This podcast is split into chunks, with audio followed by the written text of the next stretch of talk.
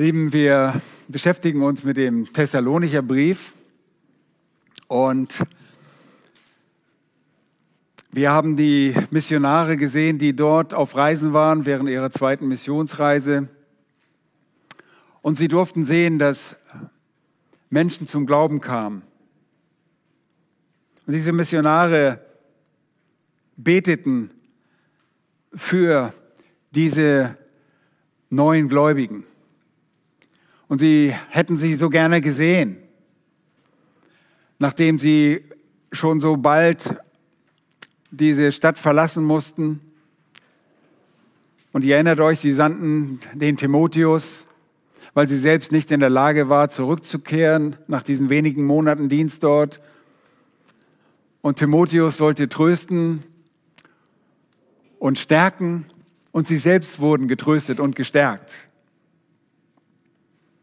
Und damit endete nicht die Beziehung zwischen Missionaren und mit dieser neuen Gemeinde, sondern die Missionare beteten nach dieser guten Nachricht des Timotheus weiterhin für die Thessalonicher. Eine gute Nachricht ist kein Ende für die Beendigung einer guten Beziehung.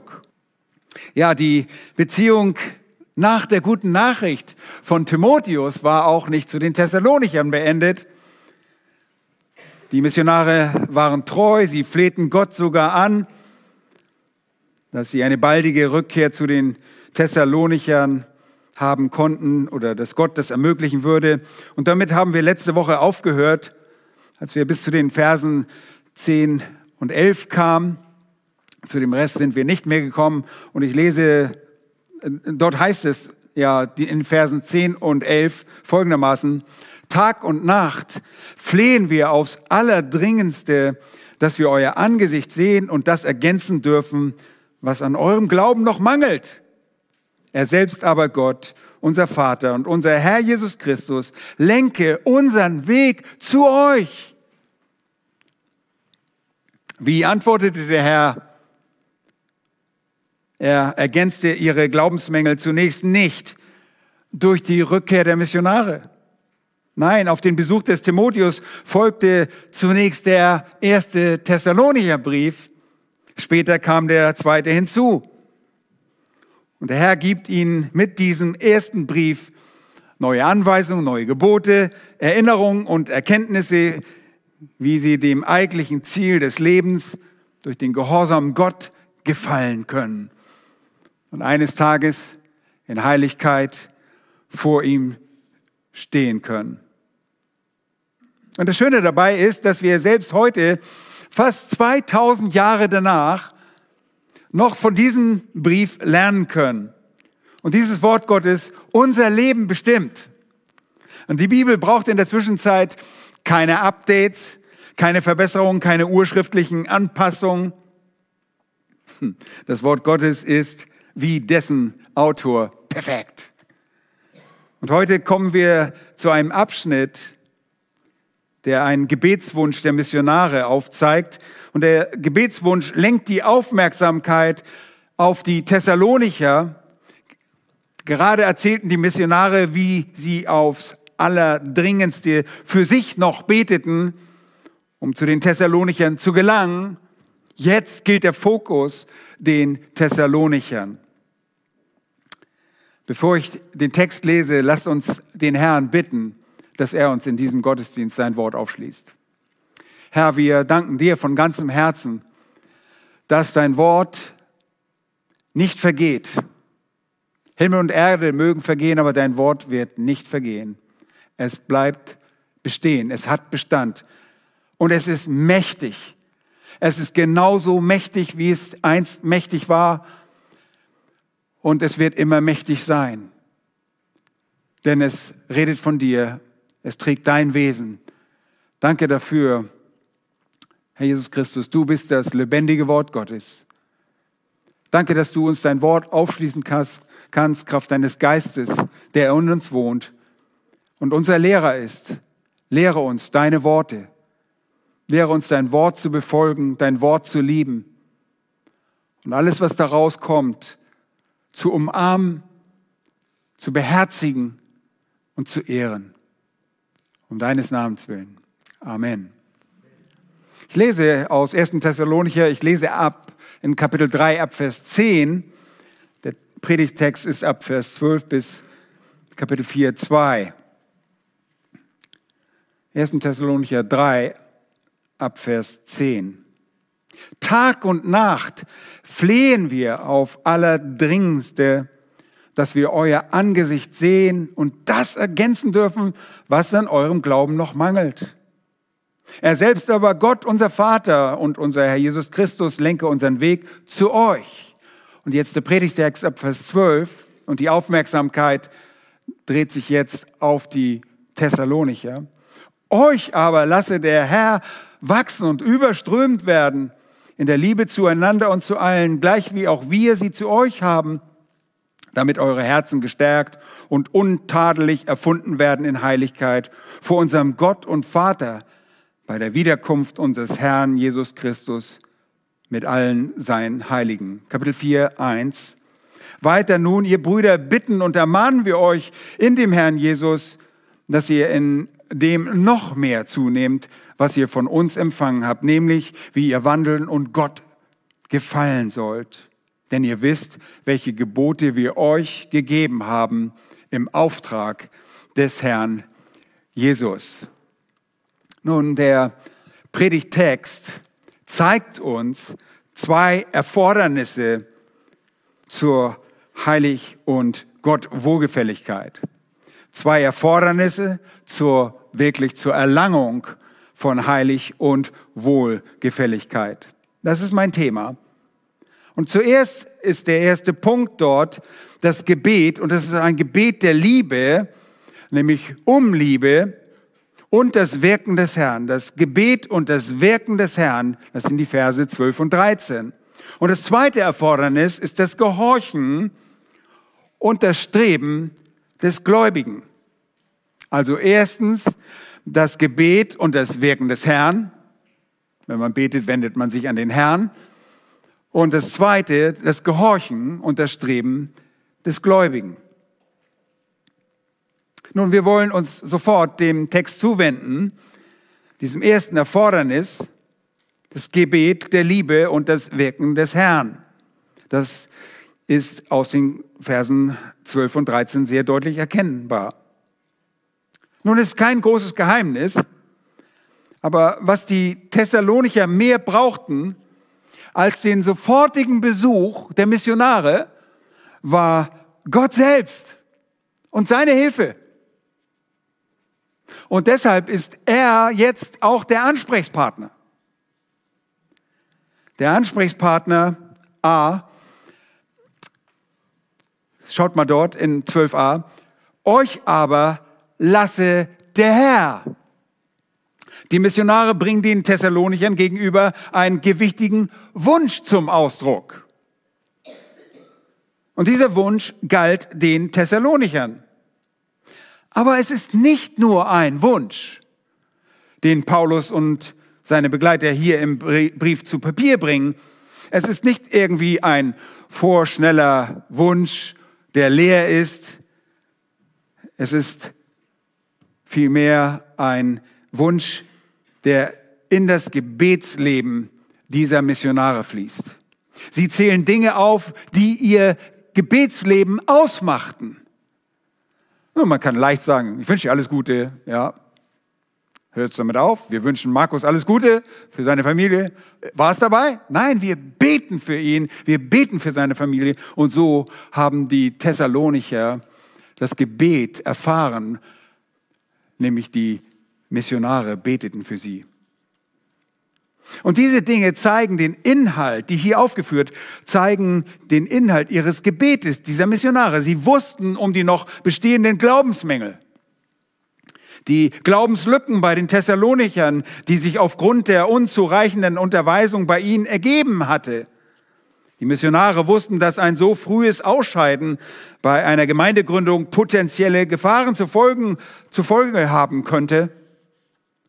Und so beteten sie zu dem, der allein fähig ist, ein angefangenes Werk erfolgreich zu beenden. Paulus schreibt etwa zehn Jahre später zu den Philippern so deutlich, von seiner Zuversicht zu Gott und seiner freudigen Fürbitte für die Philipper, dort gibt er den Grund seiner Fürbitte an und sagt, weil, so Paulus wörtlich, ich davon überzeugt bin, dass der, welcher in euch ein gutes Werk angefangen hat, es auch vollenden wird, bis auf den Tag Jesu Christi. Das Werk ist erst dann vollendet. Das Werk unter den Thessalonichern hatte der Herr bereits begonnen und er würde es auch in den gläubigen Mazedonien vollenden. Der Ansprechpartner für die Hilfe dieser Vollendung, für die Vollendung dieses Anliegens, das war nicht lediglich irgendein Mensch. Der Ansprechpartner im Gebet ist wahrer Mensch und wahrer Gott gleichzeitig. Der Ansprechpartner in unserem Text ist Gott, der Herr. Dass sich Herr in Vers 11 vor unserem Text ähm, dass sich das Herr in Vers 11 auf Jesus bezieht und auch in dem darauffolgenden Vers, nehmen wir an, dass es auch hier der Fall ist, dass Herr Jesus ist. Der Herr Jesus ist der potente, der fähige Ansprechpartner in der Angelegenheit der Vollendung der Gottwohlgefälligkeit und Heiligkeit. Wenn wir mit ihm reden, dann reden wir mit Gott. Und durch ihn kommen wir auch zum Vater. Der ausgesprochene Wunsch der Missionare ist nur in Jesus erfüllbar, denn er ist Gott. Und der Sohn Gottes war immer Gott und hörte niemals auf, Gott zu sein. Und das tat er auch nicht hinter dem Schleier seines Menschseins. Und deshalb gehen wir zu Jesus, unserem Gott. Und dass dieser Wunsch der Missionare erfüllbar ist, hat mit der Person zu tun die angesprochen wird und gebeten wird, zu helfen. Die Person ist der Garant dafür, dass der Wunsch in diesem Text erfüllt wurde und dass er erfüllt werden würde. Und die Schreiber machen das auch durch die griechische Grammatik verständlich. Sie nutzten einen griechischen Optativ, das ist der, ein Verbmodus, ein Wunschmodus im Griechischen und zeigt an, dass was sie den Thessalonichern wünschen, auch erfüllbar ist. Und was war das? Was war es, was sie den Thessalonichern wünschten und wofür beteten sie? Nun, sie wünschten, und beteten, dass die Thessalonicher eines Tages in Heiligkeit vor Gott stehen würden. Das ist eine Sache. Das ist das Endziel. Bitte beachtet, dass dieses Ziel heute weiterhin gültig ist und wir ebenso die Heiligkeit vor Gott erlangen wollen. Nun, um dorthin zu gelangen, nämlich an dem Tag der Erscheinung unseres Herrn, ich gehe darauf später ein, um dorthin zu gelangen, gibt es nun die erste Erfordernis, das erste Erfordernis. Es gibt keine Option dazu. Das Erreichen der Heiligkeit vor Gott ist nur durch das Gebet, die Bitte an Gott möglich. Kein anderer Weg führt dahin. Das Erreichen der Heiligkeit vor Gott ist nur durch das Gebet, die Bitte an Gott möglich. Und wofür beteten sie? Der Gebetsinhalt ist in unserem Text. Alles entscheidend. Wofür musst du beten und wofür wird der Herr in deinem Leben Sorge tragen? Dass du es tust, schaut mit mir auf den Inhalt des Gebets. Der zweite Punkt, der Inhalt des Gebets, wachsen in der Liebe. Deshalb auch Liebesgebet. Es geht um ein Gebet um Liebe oder für Liebe. Der Inhalt des gezielten Gebetes ähm, der Inhalt, der gezieltes Gebet zwingend macht, betrifft die Liebe. Und das Erfordernis ist ein Liebesgebet, ein Gebet um Liebe. Bitte schaut in den Text, Vers 12. Euch aber lasse der Herr wachsen und überströmend werden in der Liebe.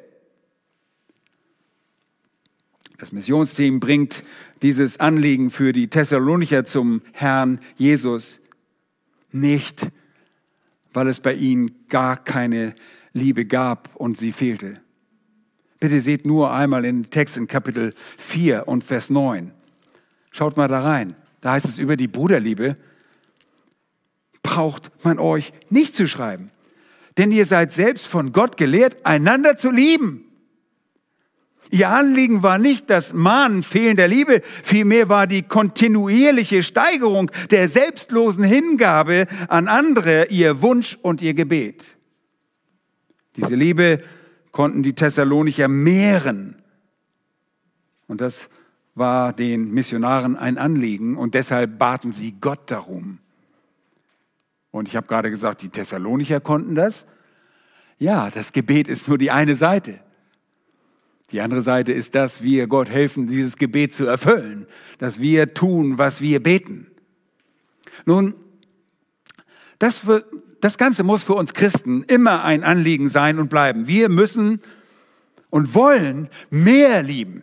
Die Mehrung der Liebe ist ein großes Anliegen. Was die Thessalonicher mehr brauchten als einen sofortigen Besuch von den ihnen so begehrten Missionaren war die Steigerung der bereits durch den Heiligen Geist gegebenen Liebe in ihrem Leben. Das brauchten sie.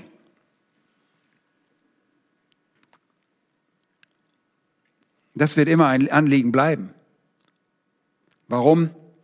Weil wir einen so hohen Standard der Liebe haben,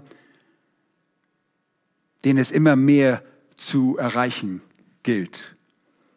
Und wir werden diesen hohen Standard in dieser gefallenen Welt nie völlig erreichen. Das müssen wir demütig anerkennen, aber immer danach streben. Welcher Standard ist das? Wovon spreche ich? Der Standard der Liebe, dem wir nachjagen, ist durch den Herrn Jesus Christus vorgegeben worden. Wir wollen lieben wie er. Wir wollen lieben wie Gott, ihn in seiner Liebe imitieren und nachahmen. Geschwister, darum müsst ihr euch bemühen, aber wir können nur darin wachsen und überreich werden, wenn der Herr uns Wachstum bis zum Überströmen dieser Liebe zuteil werden lässt. Deshalb das Gebet. Deshalb bitten wir den Herrn selbst darum, dieses Überströmen unserer Liebe zu anderen Menschen zu schenken. Herr, hilf uns zu lieben. Und das schaffen wir nicht durch knifflige, fantasievolle Tricks. Das schaffen wir nicht durch eigene gute Absichten. Dieses Leben ist nicht möglich. Das schaffen wir nicht durch einen Seelsorger, das schaffen wir nicht durch asketische Maßnahmen, nicht durch das Fasten, nicht durch Selbstkasteiung und auch nicht durch ein Knierutschen auf der Scala Sancta in Rom. Wir erlangen nicht die Mehrung der Liebe durch einen Lauf auf der Via Dolorosa, dem Leidensweg von Jesu Verurteilung bis zum Kreuz und zu seinem Begräbnis. Niemals. Nein, wir müssen beten, den Herrn darum bitten und mit seinem Werk rechnen und unseren Teil dazu tun. Du musst als Kind Gottes beten, sonst bist du einspurig in deiner eigenen Anstrengung verloren und du kommst am Ziel der Heiligkeit und Gott Wohlgefälligkeit niemals an. Lasst uns beten, lasst uns füreinander beten. Auch das wird aus diesem Text ersichtlich. Das ist impliziert, dass wir das tun. Und dann Lasst uns mit der Hilfe des Herrn rechnen, damit wir überreich, das ist das Wort, dieses Zunehmen, dieses Wachsen, ist überreich sein. Überströmend heißt es dann noch, werden in der Liebe, übersprudelnde Liebe haben. Nun, für wen soll diese Liebe sein? Was sagt der Text? Euch aber lasse der Herr wachsen und überströmen werden in der Liebe zueinander und zu allen. Nun, wir sollen in der Liebe zueinander wachsen. Wir sollen darin überströmt und überreich werden. Nun stellt euch dabei einen Fluss vor, der bis zum Rand seines Ufers gefüllt ist und eingedämmt werden muss, weil der Wasserstand immer weiter steigt. Und eines Tages, und irgendwann ist es soweit, die Dämme brechen auf, das Wasser strömt frei heraus. und sprudelt und strömt frei und ungehindert heraus. Behaltet dieses Bild im Kopf für die Liebe füreinander, wenn wir einander lieben. So soll die Liebe zueinander werden. Und so liebten die Thessalonicher bereits, aber es gab für sie und für uns immer noch eine Steigerung. 1. Thessalonicher 4, Vers 10, also nur wenig Verse später heißt es, und das tut ihr auch an allen Brüdern. Sie liebten die Brüder bereits, die in ganz Mazedonien sind. Wir ermahnen euch aber, ihr Brüder, dass ihr darin noch mehr zunehmt. Und der Geist Gottes lehrt uns alle zu lieben. Und er lehrte auch die Thessalonicher. Der Geist Gottes ist der Lehrmeister der Liebe und bringt diese Ströme der Liebe in uns hervor. Erinnert ihr euch an Galater 5, 22? Die Frucht des Geistes ist, was ist das Erste, was da gesagt wird? Liebe. Und dann könnt ihr die anderen Sachen auch alle aufzählen. Freude und äh, Friede und Langmut und Freundlichkeit und all diese Dinge sind Frucht des Geistes. Der in uns lebende Geist bringt wesensmäßig Liebe und andere göttliche Tugenden in unserem Leben hervor. Wenn du ein Christ bist, dann geschieht das. Aber wie bei einer Frucht, so muss auch die Liebe wachsen. Und sie kann auch größer werden. Und wir sind nicht zufrieden, wenn die erste kleine Erdbeere an unserem Strauch hängt und die nicht reif ist. Sie muss wachsen. Und so muss unsere Liebe wachsen. Und wir können darin wachsen, zunehmen und überströmt werden, insbesondere und zuerst in der Liebe zueinander, heißt es hier. Gegenseitige Liebe der Schwester. Und das, ihr Lieben, ich sage es ganz deutlich, diese Liebe, das Umfeld dafür ist die Gemeinde. Bitte lasst Liebe die Priorität in eurem Leben werden und bittet den Herrn, euch darin wachsen zu lassen. Ich bete für euch betet auch für mich. Was die Gemeinde heute in erster Linie braucht, ist überströmende Liebe zueinander. Das lebte und lehrte unser Herr Jesus Christus wie kein anderer. Und er sagte in Johannes 13, Vers 34, ein Neugebot gebe ich euch, dass ihr einander lieben sollt, damit, wie ich euch geliebt habe, auch ihr einander liebt. Das ist der Maßstab. Und deshalb können wir immer noch wachsen. Wir sind nie angekommen. Diese Art der Liebe ist ein Kennzeichen dafür, dass du ein Kind Gottes bist. Die Liebe ist deine Heilsgewissheit.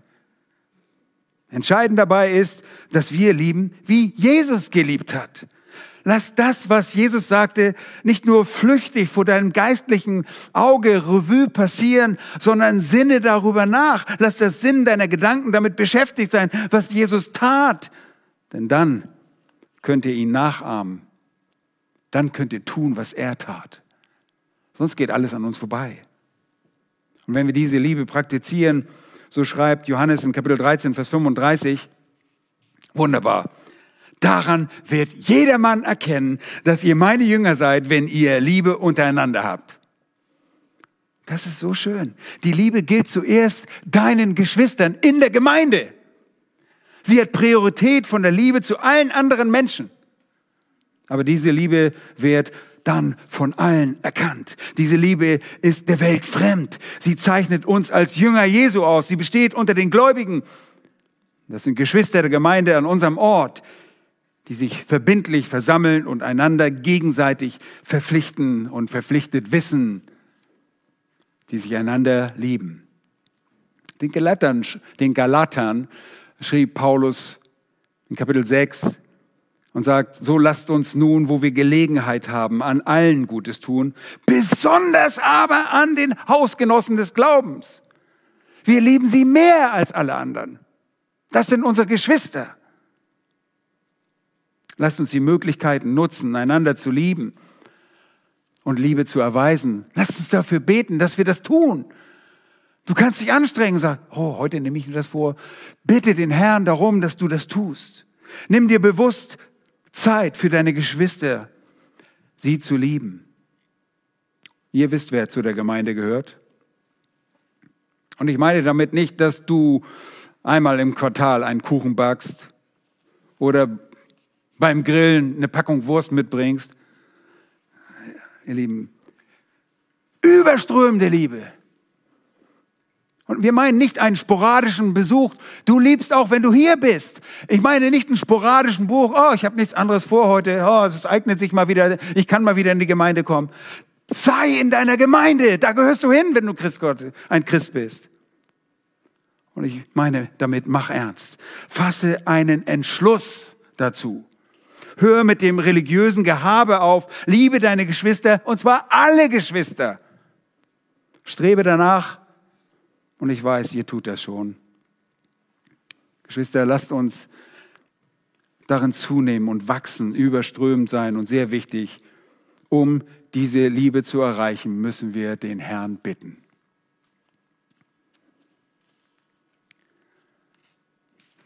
Ihr Lieben, nur so werden wir in der Lage sein, recht zu lieben, wenn wir ihn bitten. Und diese Liebe, so sagt uns der Text, ist noch weitreichender als äh, Liebe der Geschwister zueinander. Schaut noch mal genau rein. Der Text sagt, euch aber lasse der Herr wachsen und überströmend werden in der Liebe zueinander und zu allen. Oh, es ist leicht, die zu lieben, die uns lieben, oder?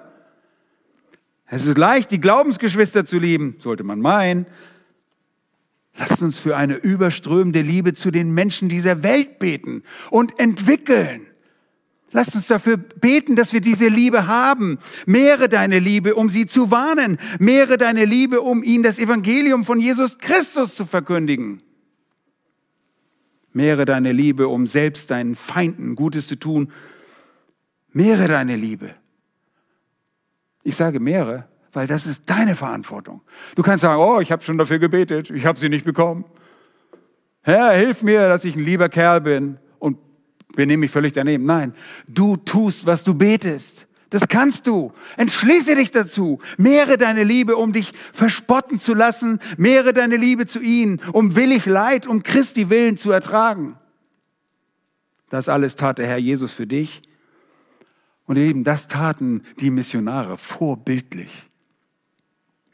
Die Missionare liebten genau so und deshalb führen sie sich selbst als Vorbilder der Liebe an. Schaut mal den Text. Das ist das dritte C, die Vorbilder der Liebe. Vers 12, der letzte Teil da. Gleich wie auch wir sie zu euch haben. Oh, das war eine Liebe zu allen. Die Missionare besaßen eine Liebe zu allen. Die Thessalonicher waren anfänglich was? Götzendiener. Erinnert euch Kapitel 1? Sie wandten sich vom Götzendienst ab. Die Missionare hätten sagen können, oh, das sind alles Götzendiener, da gehe ich nicht hin. Nein. Wisst ihr was? Einige von ihnen, die dort in Thessalonik waren, die stammten aus der Synagoge und besaßen vielleicht eine gewisse Gottesfurcht. Andere waren einfach heuchlerische Besserwisser und legalistische Eiferer. Trotzdem kam das Missionsteam in Liebe, selbst nachdem sie zuvor diese Misshandlung in Philippi erlebten. Sie ließen nicht ab, trotz der Bedrängnisse in Thessalonik. Sie besaßen eine Liebe, die sich aus der Liebe des Christus zu diesen Männern, zu diesen Menschen ergeben hatte. Und zu allen Menschen. Die haben nicht gesagt, wo sind die liebsten Leute, lasst uns mal in diese Häuser einkehren. Nein, sie predigten allen das Evangelium. Sie liebten, denn er hatte sie zuerst geliebt. Das verstanden sie. Und das Verständnis der Liebe Gottes, der Liebe des Christus, brachte sie dazu. Ihr Verständnis von der Liebe Christus zu ihnen brachte sie dazu, auch zu lieben, den Heiden das Evangelium zu bringen. Paulus schrieb im Jahr 55, 56 nach Christus den zweiten Korintherbrief und dort sagt er, die Liebe des Christus drängt uns. 2. Korinther 5, die Verse 14 und 15. Da sagt er, die Liebe des Christus drängt uns, da wir von diesem überzeugt sind. Wenn einer für alle gestorben ist, so sind sie alle gestorben. Und er ist deshalb für alle gestorben, damit die, welche leben, nicht mehr für sich selbst leben, sondern für den, der für sie gestorben und auferstanden ist.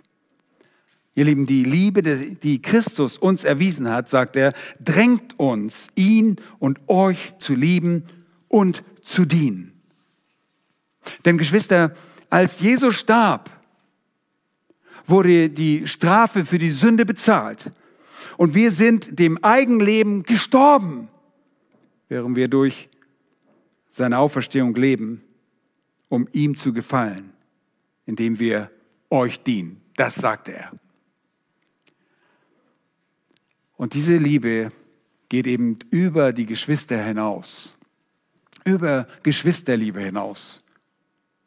Lasst uns diese reicher, größer zunehmende Liebe erbeten und gleichzeitig danach streben. Aber worin liegt der Zweck dieser wachsenden Liebe?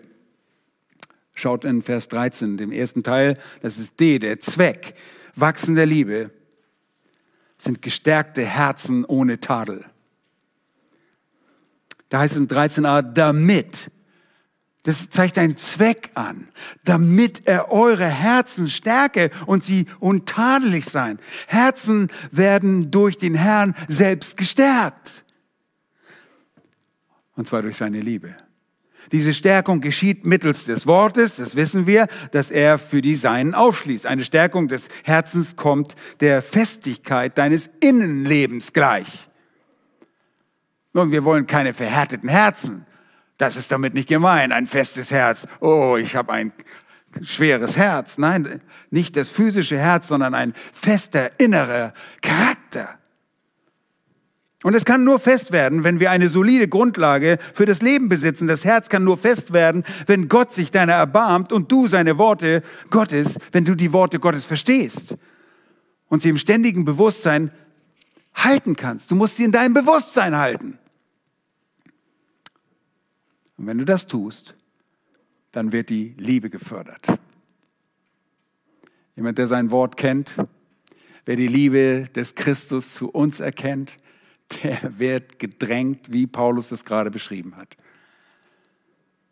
So wird dein Herz fest werden in dem Wachstum im Wort Gottes. Hört einmal, was Jesus zu seinen Jüngern sagt in Johannes 14. Er sagt, wer meine Gebote hält und sie befolgt, der ist es, der mich liebt. Wer aber mich liebt, der wird von meinem Vater geliebt werden und ich werde ihn lieben und mich ihm offenbaren.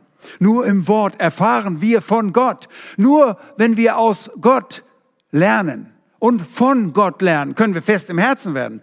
Nur das Wort Gottes ermöglicht uns überhaupt zu wachsen. Ich kann nicht sagen, oh, ich will separat vom Wort Gottes in der Liebe wachsen. Das geht nicht.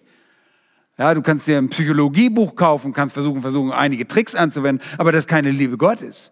Liebe Gottes ist immer zur Ehre Gottes und ist nie unabhängig von dem Wachsen im Wort Gottes.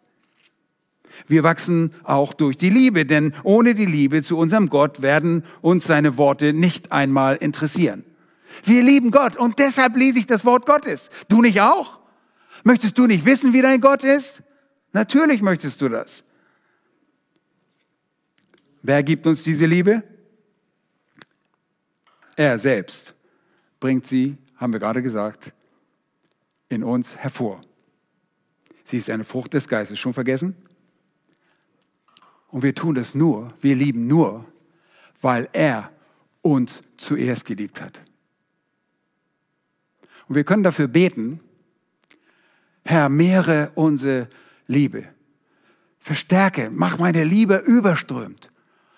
Und ich warte und sitze und es passiert nichts und ich, oh, ich habe das schon hundertmal gebetet aber du bist nicht und gehorchst dem Rest des Wortes nicht, du wirst niemals wachsen.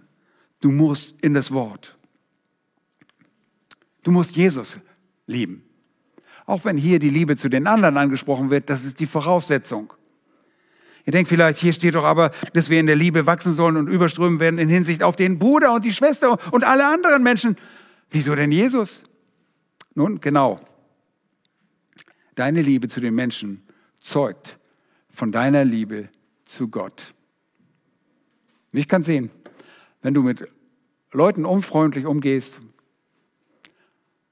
und das tun wir mitunter alle, dann spricht das von unserer mangelnden Liebe zu Gott.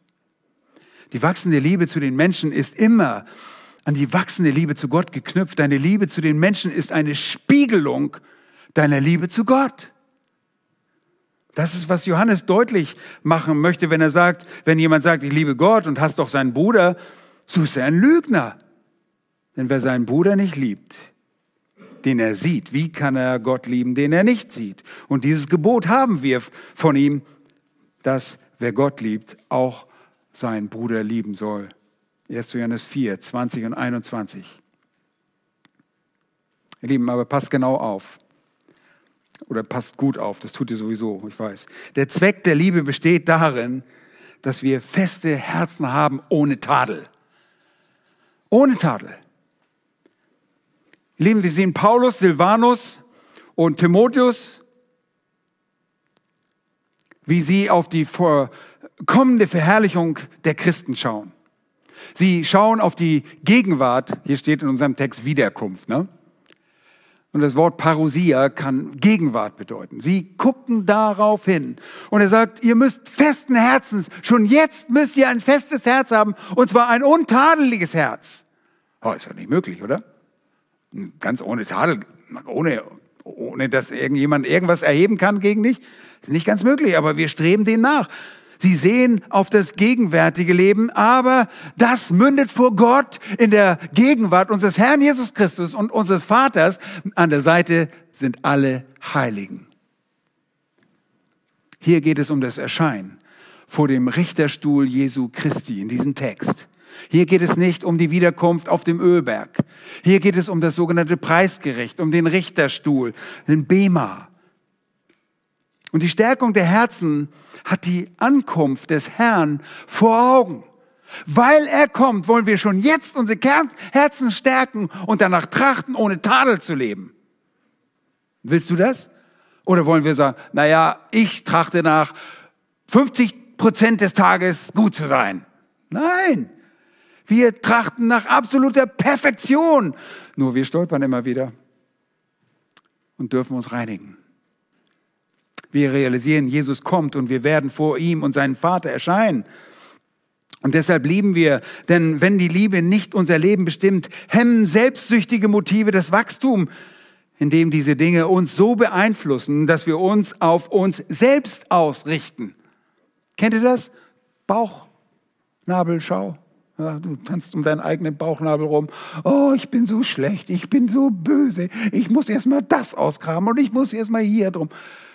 Ihr Lieben, wir schauen auf Jesus und wir schauen auf unser Leben und sagen, Herr, ich will so sein wie du und deshalb schaue ich dich an.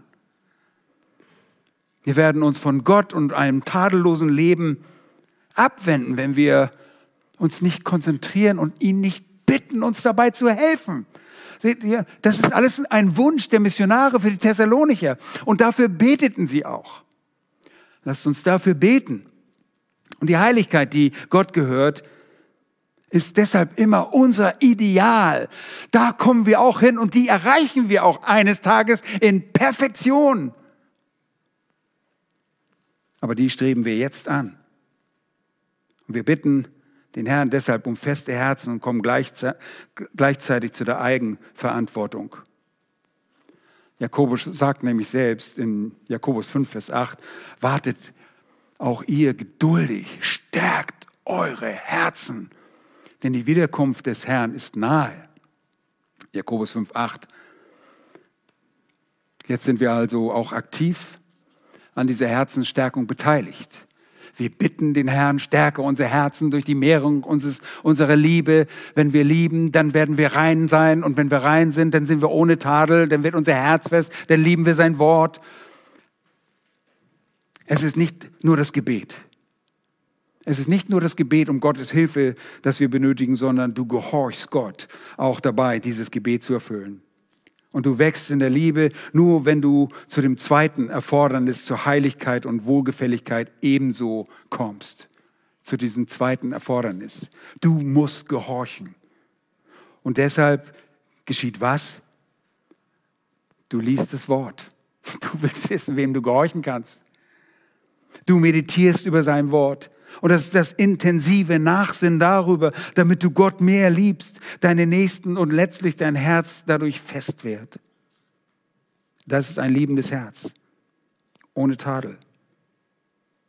Keiner kann dich beschuldigen, lieblos zu sein. Und obwohl wir nicht sündlos sind, so werden wir keine Anschuldigungen, werden die Anschuldigungen dir gegenüber nicht gerecht sein. Das ist unser Ziel, oder? Nur Kinder Gottes bitten, dass sie in der Liebe wachsen und überströmt werden. Ich habe noch nie einen, einen Nichtchristen das Beten hören. Lass mich liebend werden. Nur die Herzen der Gläubigen werden gestärkt.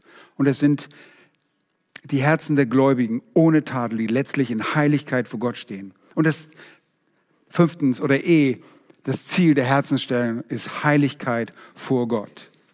Heiligkeit vor Gott. Wir wissen, niemand kann Gott sehen, es sei denn, er ist heilig. Wir müssen vollkommen sein, gleich wie unser Vater im Himmel vollkommen ist, sagt Jesus in der Bergpredigt, Kapitel 5, Vers 4. Und deshalb muss das Ziel der Herzensstärkung Heiligkeit vor Gott sein. Schaut mal in den Text, da heißt es, damit eure Herzen er eure Herzensstärke und sie untadelig sein in Heiligkeit vor unserem Gott und Vater bei der Wiederkunft beziehungsweise der Gegenwart unseres Herrn Jesus Christus. Und Christus ist hier bei einigen ähm, Stellen, äh, einigen Übersetzungen nicht erwähnt, weil es eine Variante ist, mit all seinen Heiligen. Und einige Skripte setzen noch ein Amen dahinter, obwohl es eigentlich kein Gebet ist. Wie gesagt, sprechen diese Männer von der Ankunft des Herrn für die Sein. Es ist die Entrückung der Gläubigen in Christus, auf die wir warten und die uns dann vor den Richterstuhl Jesu Christi erscheinen lässt. Und ihr Lieben, das ist so wunderbar. Und wir werden davon in Kapitel 4 noch eine Menge lernen. Wir werden aufgrund unserer Gebete und der darauf folgenden Hilfe des Herrn in der Liebe wachsen, zu überströmen der Liebe zu allen Menschen. Und wir gelangen durch diese Liebe, erlangen feste Herzen ohne Tadel und sind dann bereit, in Heiligkeit vor Gott zu erscheinen. Nun, Heiligkeit ist absolute Reinheit, absolute Würdigkeit, die das Kind Gottes aufgrund der Gnade Gottes erlangt hat. Zu diesem Zeitpunkt. Es ist nicht mehr Heiligung. Die Heiligung ist dann vorbei. Es ist absolute Heiligkeit. Heiligkeit ist das, was wir unterwegs erleben. Wenn wir jetzt in Kapitel 4 kommen, wenn wir Gehorsam lernen, wenn wir gehorsamer werden, das ist Heilig, Heiligung. Aber Heiligkeit ist der Endstand des Erreichen der Perfektion, der absoluten Reinheit und Gott Gleichheit. Und wir werden so vor Gott und dem Vater stehen, weil Jesus in seinem Vater ist und wir in ihm und er wiederum in uns. Das sagt der Text, schaut mal. Ja. Wir werden vor Gott stehen, dem Vater. Der Vater ist da. Beim Richterstuhl Jesu Christi ist auch der Vater da. Das ist eine wunderbare Wahrheit. Und der Herr Jesus selbst lehrte einmal in Johannes 14, Verse 19 und 20, sagte er, noch eine kleine Weile und die Welt sieht mich nicht mehr. Also das sagt er, weil er zurückgeht zum Vater. Aber ihr seht mich, weil ich lebe, sollt auch ihr leben. An jedem Tag werdet ihr erkennen, dass ich in meinem Vater bin und ihr in mir und ich in euch. Wir werden an jedem Tag der Gegenwart Jesu vor Gott dem Vater stehen.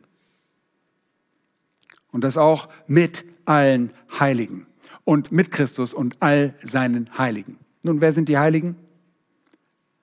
Das sind alle Gläubigen in Christus. Denn es gibt später ein anderes Gericht und unterschiedliche Gerichte, die stattfinden. Aber hier ist das Gericht, das Gericht für die Gläubigen in Christus.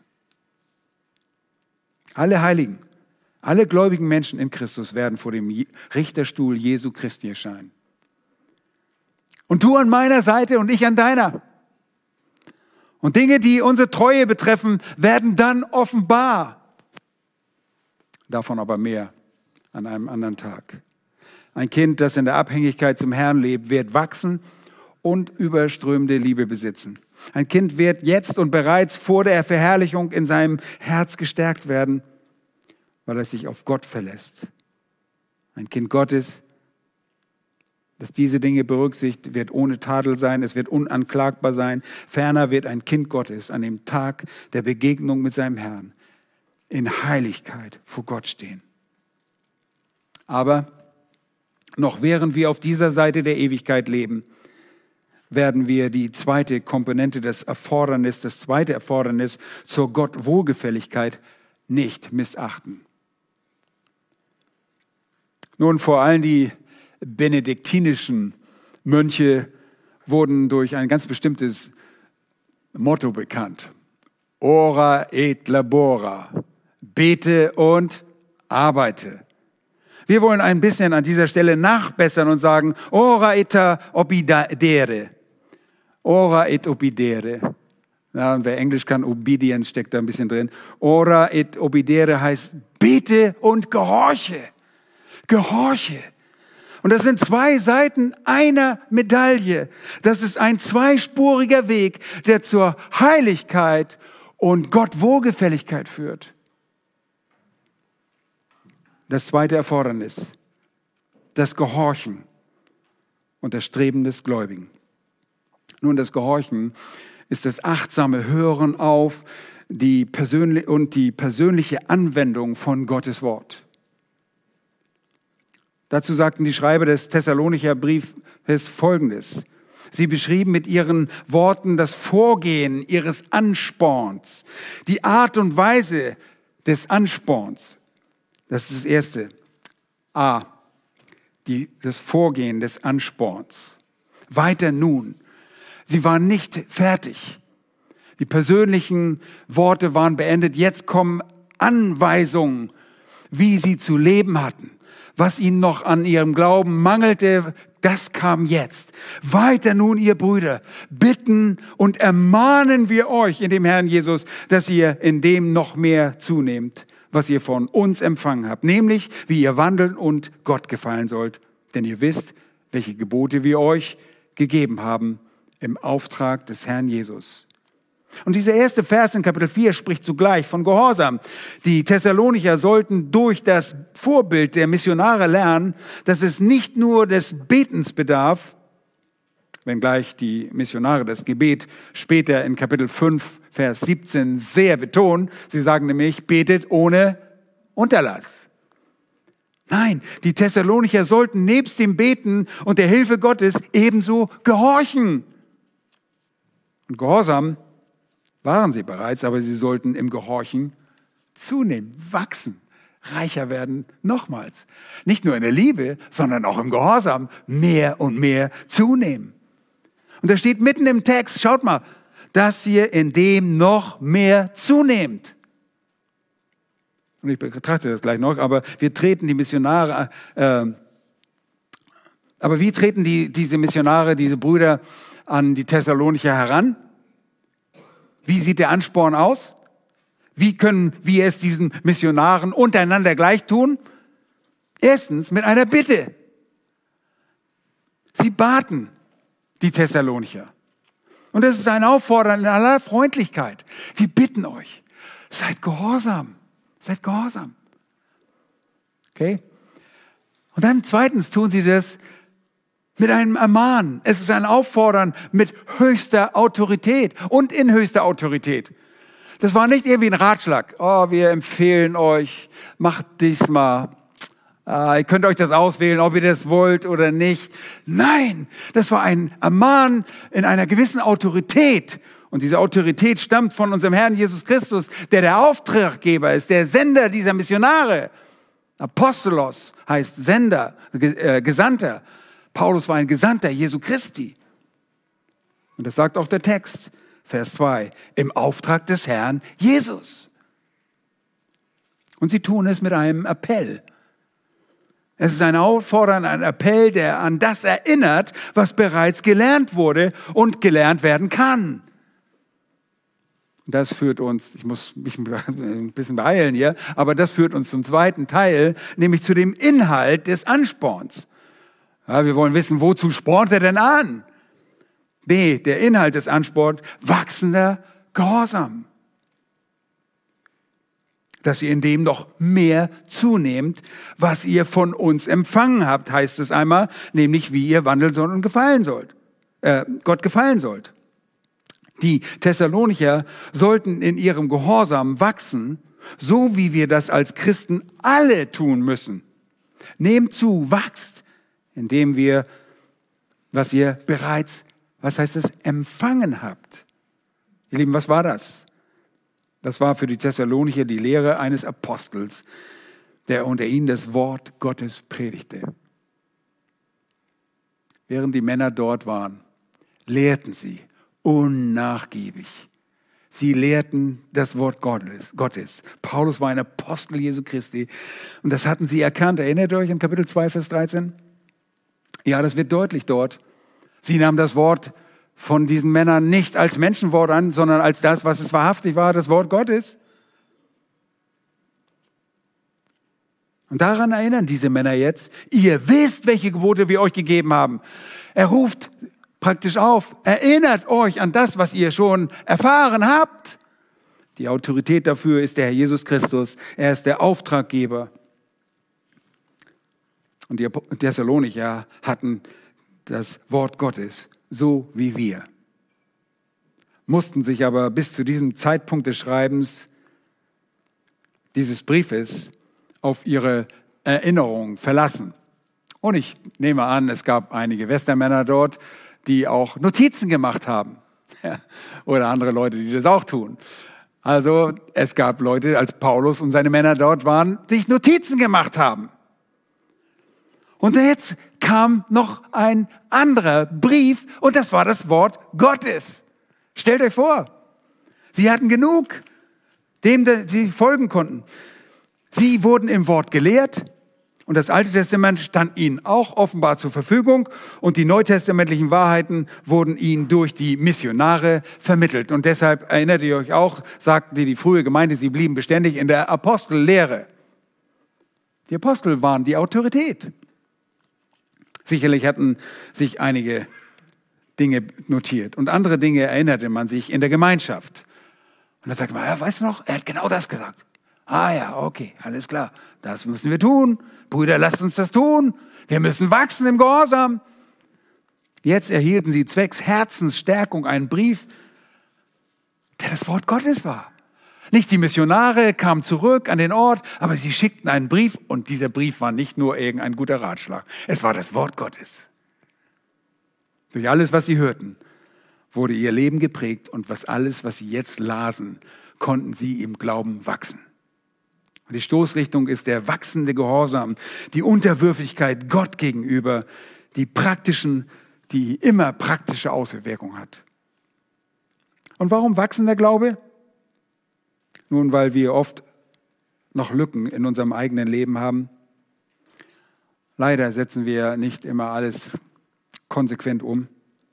Wir sind träge und müssen zum einen lernen, was Gott sagt. Wir sind träge und müssen zum anderen tun, was Gott wohlgefällig ist.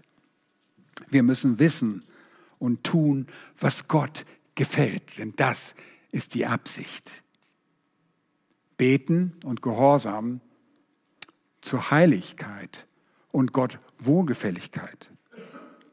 C, die Absicht, die Absicht des wachsenden Gehorsams. Gott Wohlgefälligkeit. Da heißt es in dem Vers 1b, wie ihr wandeln und Gott gefallen sollt. Das Wachsen im Gehorsam hat eine noble und ehrwürdige Absicht. Im Glaubensleben eines Christen nach seiner Errettung geht es sofort darum, richtig zu leben. Es geht darum, so zu wandeln, dass es dem lebendigen Gott gefällt. Es geht nicht darum, dass deine Wünsche, deine Lüste befriedigt werden.